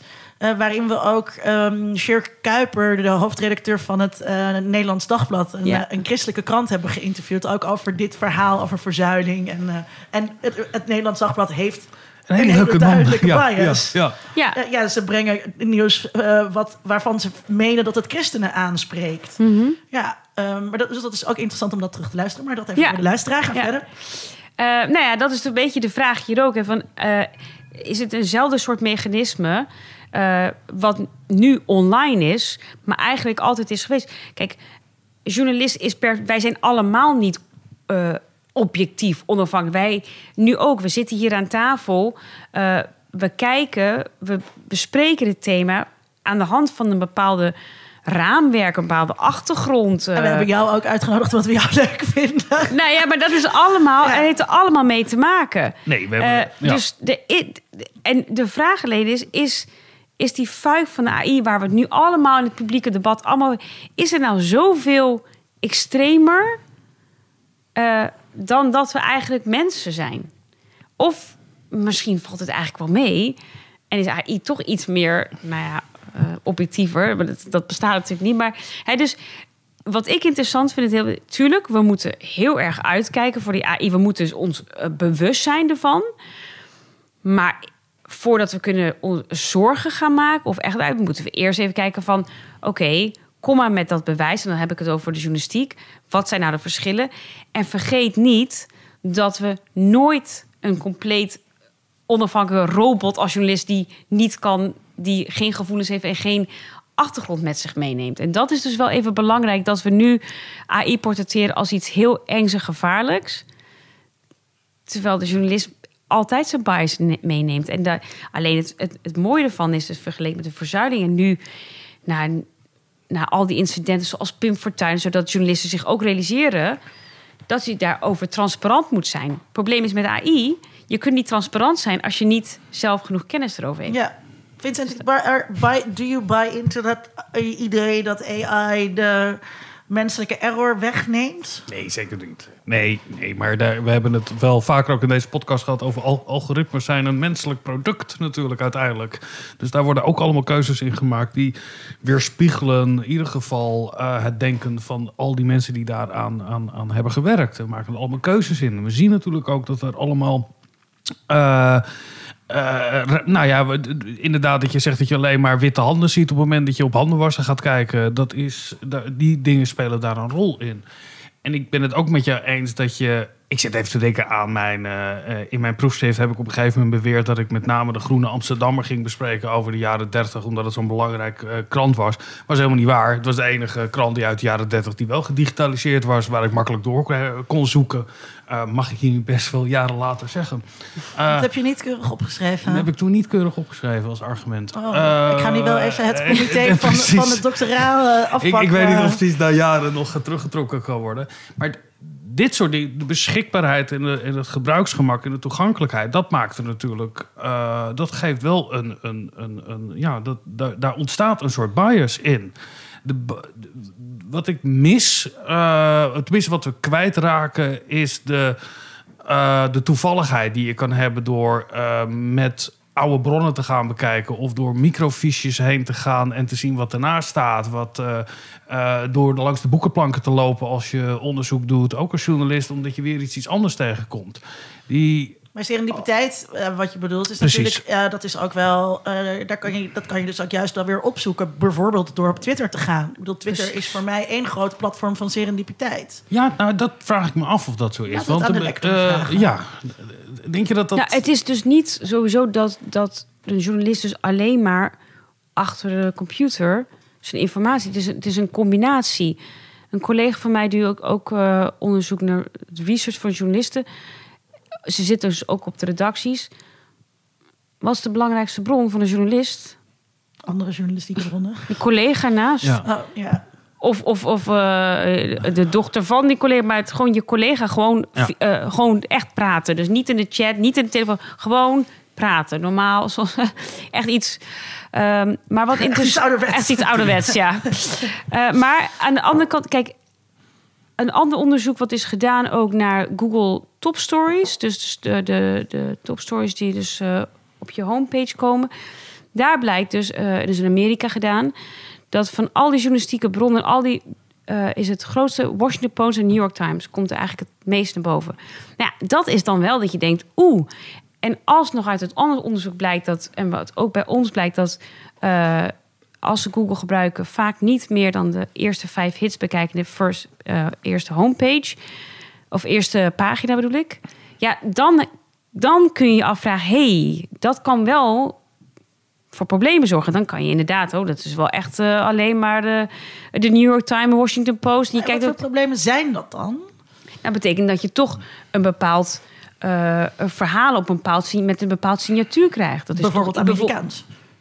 Nou, bijvoorbeeld, maar ook in Amerika, als je alleen maar alleen verhalen krijgt van eh, eh, de Washington Post en New York Times, is natuurlijk een andere kant dan bijvoorbeeld andere eh, Fox News. Dan krijg je toch een andere beeld. Ja, het is een heel stedelijk hoogopgeleid perspectief. Nou, ja, maar, Ja. Ik, kan, maar ik kan me Maar- ook voorstellen dat stel, ik bedoel, er zijn aanslagen in Frankrijk. De meeste journalisten lezen geen Frans. Ehm, dus die gaan eh, af op wat de BBC erover heeft geschreven... of wat de New York Times daarover aan het schrijven is... die misschien grotere redacties hebben en sneller ter plaatse eh, Ja. zijn. Dus dan krijg je een Amerikaans perspectief op die Franse aanslagen. Dat bedoelde ik. Ja, ja dit- dat, dat speelt ook een rol. Eh, Ja, maar de, bedoel, de, de, is natuurlijk een, ook daarin een heel systeem gebouwd. Hè? Je hebt natuurlijk ook de EP, ANP, je hebt natuurlijk je correspondenten. Je hebt niet alleen maar correspondenten, je hebt genoeg contacten dan in verschillende landen. Dus het is niet alleen. Het is weer die combinatie van verschillende bronnen. Die diversiteit, waarin je hoopt dat de journalist dan wel een goede mix en een goede afweging kan maken.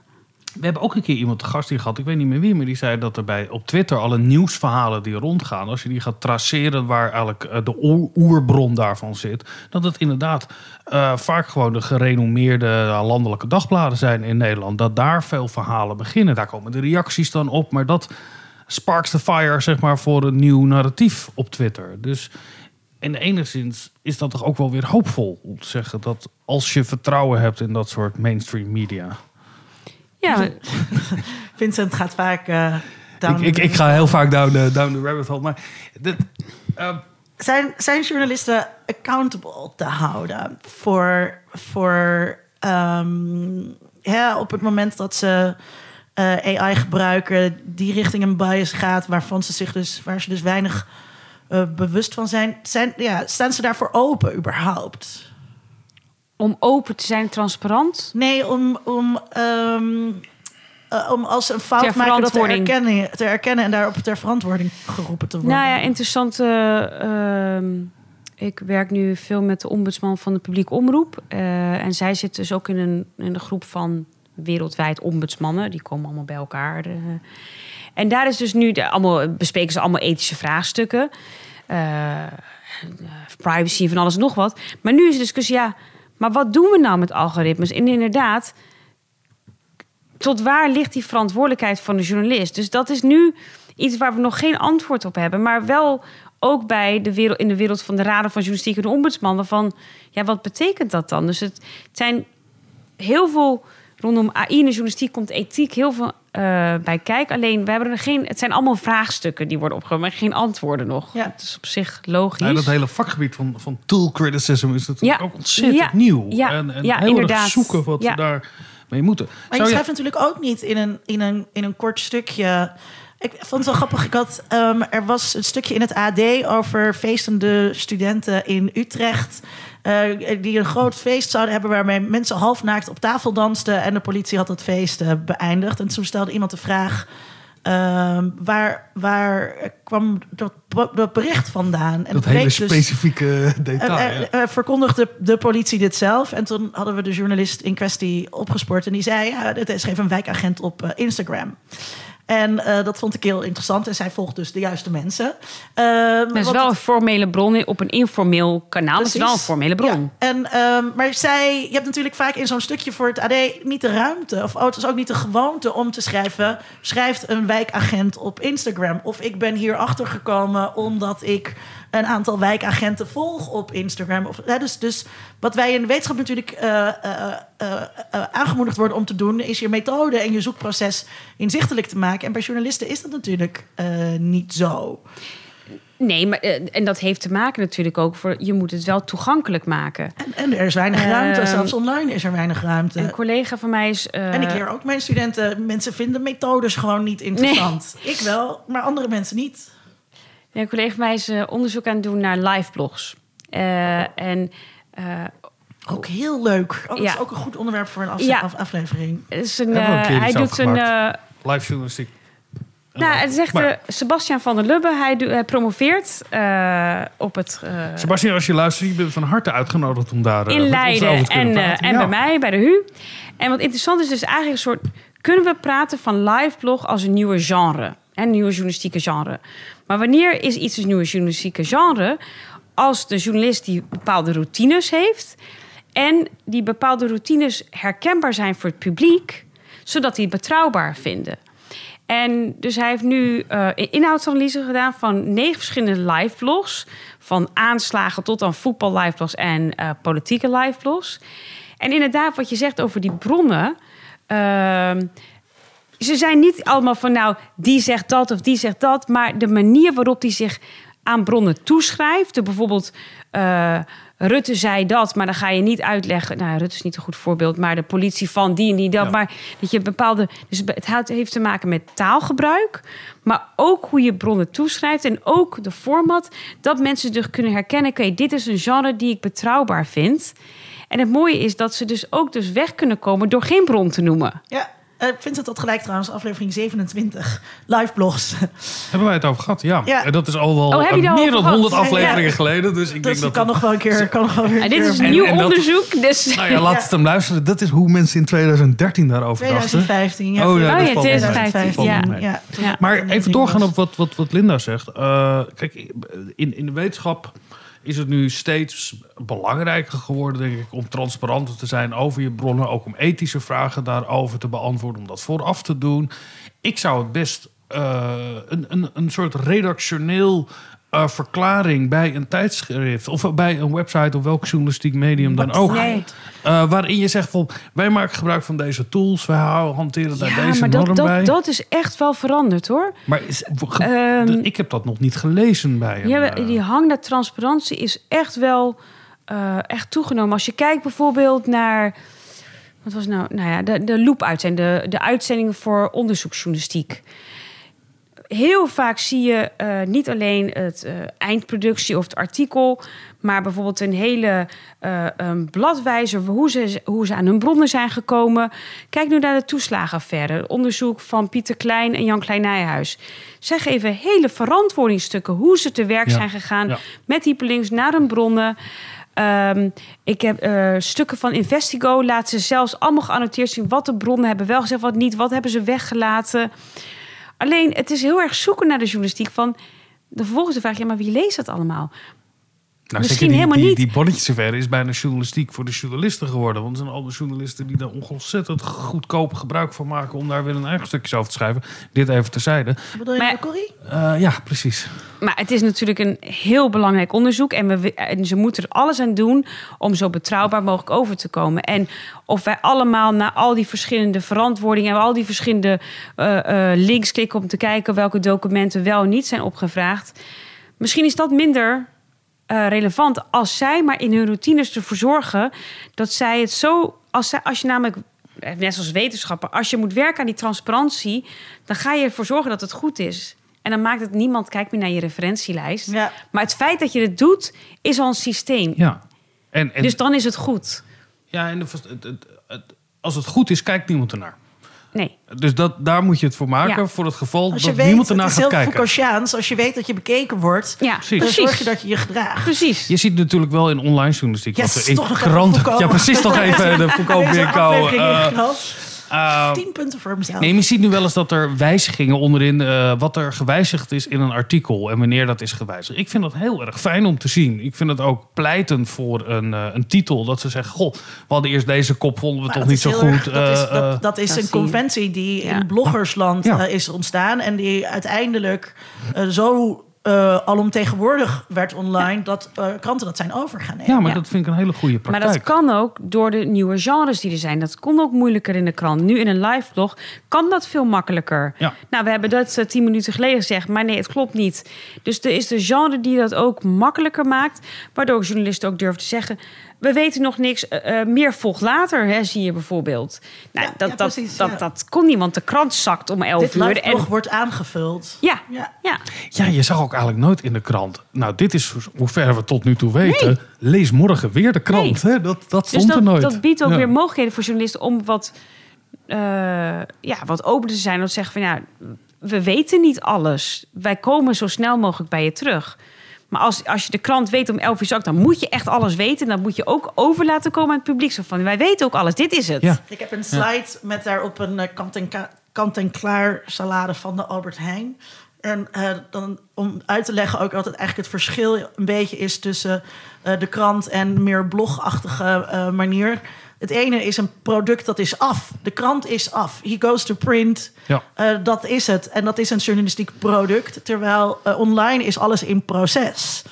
Ja, Ehm, ik vind het ook. Ik, ik, ben, ik heb een abonnement op NRC en dan lees ik zeg maar de, de PDF's die eruit zien als een krant. Oh, die dat? iets, iets statisch hebben. Maar ze hebben dan ook nog de website ernaast. En die website linkt dan weer naar de krant en andersom. Dus daar is, Oh, maar jij dus- leest echt, je Ja. bladert door... Oh, wat ik, ouderwets. ik, ik ga dan wel. Ja, zeker op zaterdag op mijn, eh, Ehm, op mijn iPad. op je iPad. Ja, eh, we hebben het al best wel over gehad, maar... ehm, ehm, ja, dus misschien moet ik de vraag ook niet stellen. Maar ja, dus welke, welke attitudes of wat voor vaardigheden hebben, hebben journalisten nou nodig? Je zegt steeds ze moeten kritisch eh, zijn. Ja, natuurlijk eh, heeft het te maken met digitaal vaardig. Je, natuurlijk gaat het ook om te weten van eh, eh, wat is er allemaal. Maar het is belangrijk om niet te focussen, wat ik al eerder zei, op alleen maar die tools. Omdat die tools zo snel gaan. Maar het heeft te maken inderdaad, dat tool criticism een hele goede. In het research daar hebben we dus ook discussie van... Wanneer in de opleiding gaan we daar ook aandacht aan besteden? Dus dat eigenlijk moet dat een, ook een doorlopende lijn zijn, zonder helemaal cynisch eh, te worden. Maar het is gewoon continu die bewustwording.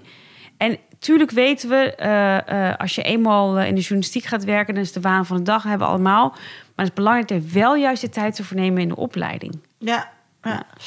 Aan het einde van de aflevering gaan wij altijd een vraag beantwoorden. Ehm, en dan vaak weten we helemaal nog niet vooraf wat nou precies, We worden daar steeds slechter in wat, eigenlijk. wat nou Ja. precies de vraag ehm, is. Maar ik denk ehm, eh, dat, het, dat het moet gaan.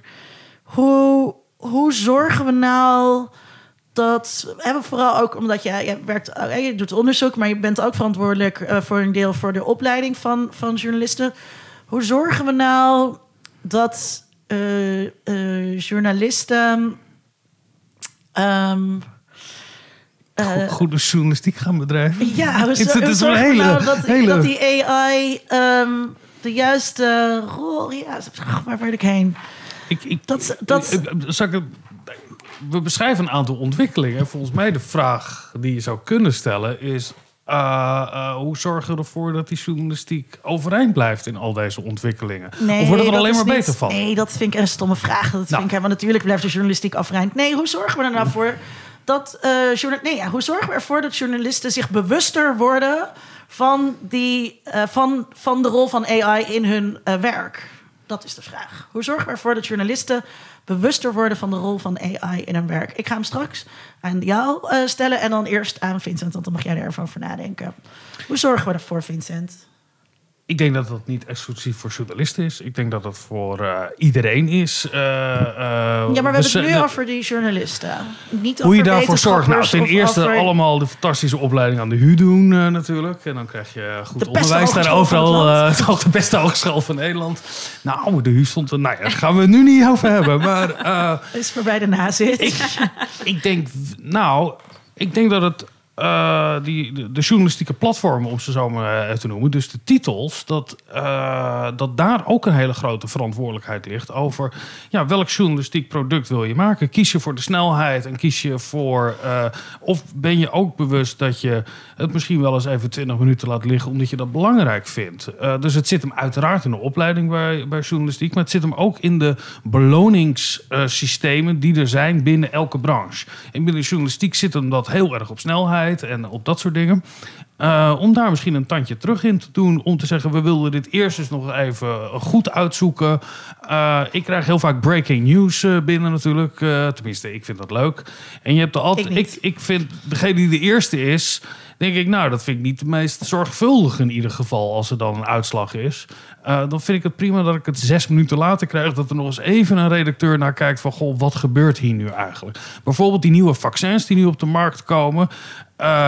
Ja, dat is een soort tussenfase evaluatie. En dat komt van commerciële bedrijven. Ik vind het raar dat gerenommeerde eh, eh, RTL Nieuws en de NOS en eh, de kranten mij een breaking news bericht geven. Dat een commerciële onderneming een hele positieve bewering doet over een eigen product. Vind ik raar. Ga het maar eens eens uitzoeken. Het is slechts een tussenfase van een onderzoek. We weten nog heel veel dingen niet. Ik vind dat geen breaking news als het zo eh, eh, eenduidig van een belanghebbende partij komt.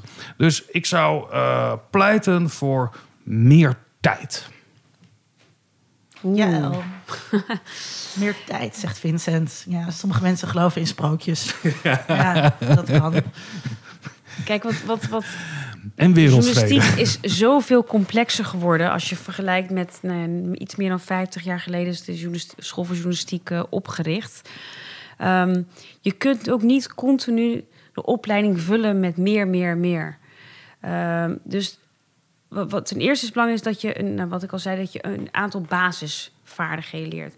En daarnaast, naast die basisvaardigheden is belangrijk dat een bepaalde attitude, en die attitude, die is wel veranderd. Eigenlijk van, nou niet veranderd, is iets meer bijgekomen. Ze moet kritisch zijn, analytisch zijn en ook flexibel en ondernemend. En dat flexibel, dat gaat niet vanzelf. Dat doe je niet na de opleiding, dat moet je leren. En dat is heel moeilijk in een opleiding neer te zetten, maar ze moeten continu vallen. En wat een allerbelangrijkste ondernemen bedoel ik niet alleen maar een onderneming beginnen, ondernemen, maar ook ondernemen dat we, en dat doen we ook nu, steeds meer met andere opleidingen. Dus eigenlijk moet je de journalist continu, ze moeten geen programmeur worden, maar ze moeten wel veel meer tech-savvy worden. En zonder dat ze programmeur dus samenwerken met ICT-opleiding. Ze moeten veel meer ontwerpgericht en meer in die design. Niet om designers te worden, maar veel beter de, de jargon en weet hoe je kunt samenwerken. Dus we werken met de designopleiding. Dus ik zie daar veel meer mogelijkheden, zodat journalisten zich beter kunnen richten aan die flexibiliteit en kritische, analytische vraagstukken, maar niet in hun eigen bubbel blijven, want dat, dat ga je niet redden.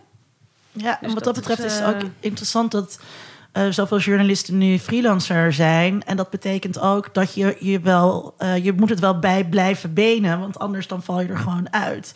Eh, dus dat betekent ook dat de oudere generatie, die, die al een tijdje werkzaam is, ook deze dingen moet doen. Want die concurreren met mensen, met jongere mensen, die, die dat misschien beter onder de knie hebben. Of misschien is dat op het eerste gezicht zo. Ik denk dat je die oudjes ook niet al te snel moet afschrijven.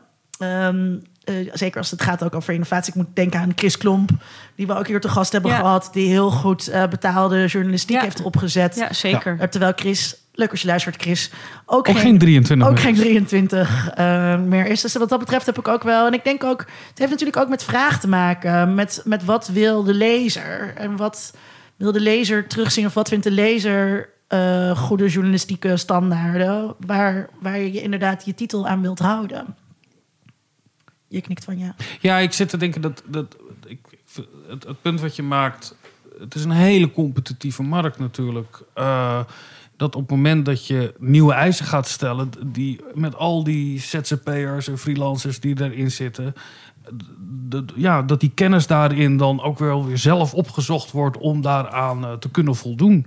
Eh, het ergste wat je je misschien kan voorstellen, wat heel fijn was vroeger, is dat je gewoon 80% mensen in vaste dienst hebt. En dat je denkt, nou, bijvoorbeeld een universiteit, die heeft daar last van. Met deze mensen moeten we de komende 35 jaar gaan doen. Dan, dat leidt niet tot hele snelle eh, verbeteringen of veranderingen. Dus nu zeg je eigenlijk ook dat dat heel goed is. Dat, Nou ja, dat, het- het- het is, ja, dat, het- ja, nou, ja, dat, dat, dat is wel Maar dat is niet het- het- alleen het- iets voor de journalistiek, dat zie je overal. Ik, Dus ik geloof niet dat het tot levensvreugde leidt van heel veel journalisten. Maar ik denk dat de journalistiek er nog wel eens baat bij zou kunnen hebben. Bij die mogelijkheden om snel te schakelen. Dat is natuurlijk ook de reden waarom dat zoveel tijdelijke aangestelde mensen daar zitten. Dokter De Haan, deelt u deze overtuiging? Daarin is, is journalistiek echt niet anders in dan heel veel andere sectoren waar, waar je gewoon niemand zit meer 30 jaar bij één organisatie. Of eh, er zijn ook heel veel mensen die willen niet vast in dienst. Dus in die zin eh, vind ik. Ik, ik, ik, ik zie de journalistiek, dat zie je, die gaat gewoon mee met de ontwikkeling in de maatschappij. En het is Ja. hier ook een voorbeeld van. Eh, het is wel zo dat, dat informatie dat ze last, de journalistiek heeft last gehad van die tijd voor informatie gratis. En, en de gratis online en gratis dagbladen. Nou, die zijn nu allemaal verdwenen. En daar zie je nu langzaam weer terugkomen van... hé, hey, verrek, als je goede informatie... kan niet allemaal gratis zijn. Het is de kunst dat, dat, dat, dat de gevesten, mee, die, die, mediamerken... die betrouwbaar willen zijn, dat ook laten zien. Dus dat betekent ook uh, niet alleen maar de goede journalisten binnenhalen, maar ook continu laten opleiden. Het is gewoon continu blijven leren. Maar dat betekent niet van de een, nogmaals, van de ene tool naar de andere. Het, is ook, het heeft ook te maken met weten wat er speelt. Uh, een kritische blik hebben, oh, maar tegelijkertijd ook weten van... hey, algoritmes, laat maar. Nee, hey, dit is iets nieuws. Laten we daar de tijd voor nemen. Dus inderdaad, tijd ben ik met je eens. Je kan niet zeggen van we nemen iets meer tijd voor een artikel. Want dat is. Je bent uiteindelijk ook in de commerciële markt. Behalve de publiek om is alles commercieel. Dus je moet geld, je moet snel zijn, want anders zit je bij de concurrentie. Maar wel af en toe momenten nemen om met groepjes stil te staan. Wat is er allemaal gaande in mijn sector? Het gaat zo snel. En wat betekent dat voor ons? Dus dat, uh, daar zou wel iets meer tijd voor mogen. Dat lijkt me een prachtig einde. Dit was aflevering 130 van de podcast Onder Mediadoktoren. Luister dus vooral ook aflevering 86, uh, waarin we het met Thomas Boeschoten hebben over um, datajournalistiek. datajournalistiek en de effecten ervan op de journalistieke inhoud. Um, volgende keer gaan we het hebben over de economie van de nacht, die nu al sinds maart plat Dood is. ligt. Ja, ik verheug me daar erg op. Um, u kunt, uh, als u dit... Nou, we zijn geen journalistiek, maar... Uh, we leveren wel allerlei vormen van informatie en doen een kennisoverdracht. Wel high premium u, content. Ja, we leveren wel high premium content. Denkt u, nou, dat, dat wil ik graag sponsoren. Dat kan. U kunt onze Patreon worden. Kijk op patreon.com slash onder mediadoktoren. U kunt dan bijvoorbeeld zijn zoals Matthijs van Lisdonk. Dankjewel Matthijs. Bedankt. Dank ook heel erg aan uh, Jaël dat je hier was. Heel leuk. Uh, we, hoor, we hoorden je trouwens, dat was ik nog helemaal vergeten te zeggen. We hebben je ook even gehoord tijdens onze aantekeningen uit het ondergrondse um, reeks. Um, en uh, dank ook aan mijn vaste mede-mediadokter, Dr. Vincent Kronen. Um, Dokter Duits, dankjewel. Ja, Dank je. Uh, dit was het. Tot over twee weken. Ja, ik ben heel slecht in afsluitingen. Ja, Oké, okay, tot dan. Dag. Dag.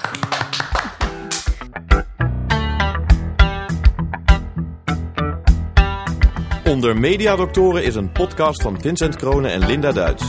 Meer informatie vindt u op ondermediadoktoren.nl.